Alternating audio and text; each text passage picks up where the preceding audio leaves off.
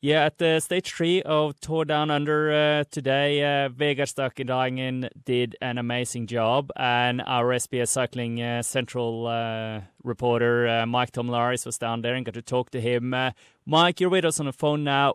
What do you think of Vegard's performance today? He was in He breakaway the whole day.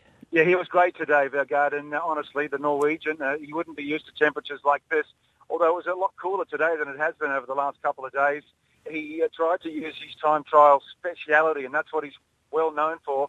A very uh, young uh, rider, very lanky, very tall. I think he's around uh, six foot six from talking to him earlier in the week, but uh, he tried every trick in the book. He threw everything at this race to try and collect stage. It It didn't come off for him.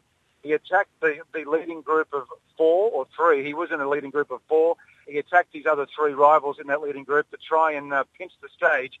But in the end, uh, the peloton came charging through, and the young Australian, uh, Caleb Ewan, collected stage honours. So a good effort from Vergarden, but uh, well, he'll push on to try and do it another day. Yeah, and uh, after the race, I understand you had a quick chat with him. Uh, what did he say himself about uh, today's performance?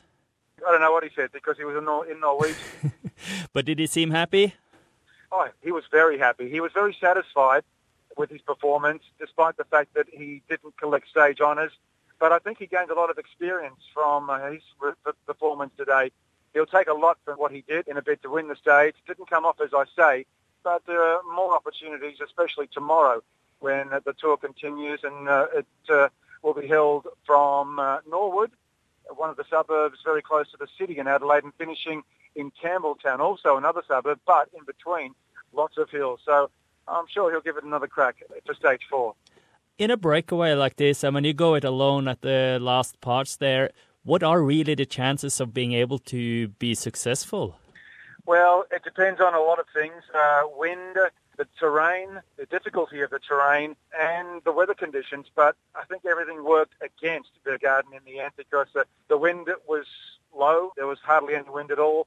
Uh, the sun actually came out, so conditions were quite perfect during the latter part of the stage. So it allowed the peloton uh, to do what it does best in a situation like that, and that is catch the leaders and time their run to perfection. But that's exactly what we saw today with Caleb uh, winning and Peter Sagan, the double world champion, finishing second. Mike Tomalaris, thank you so much for your uh, comments. Pleasure, Frank.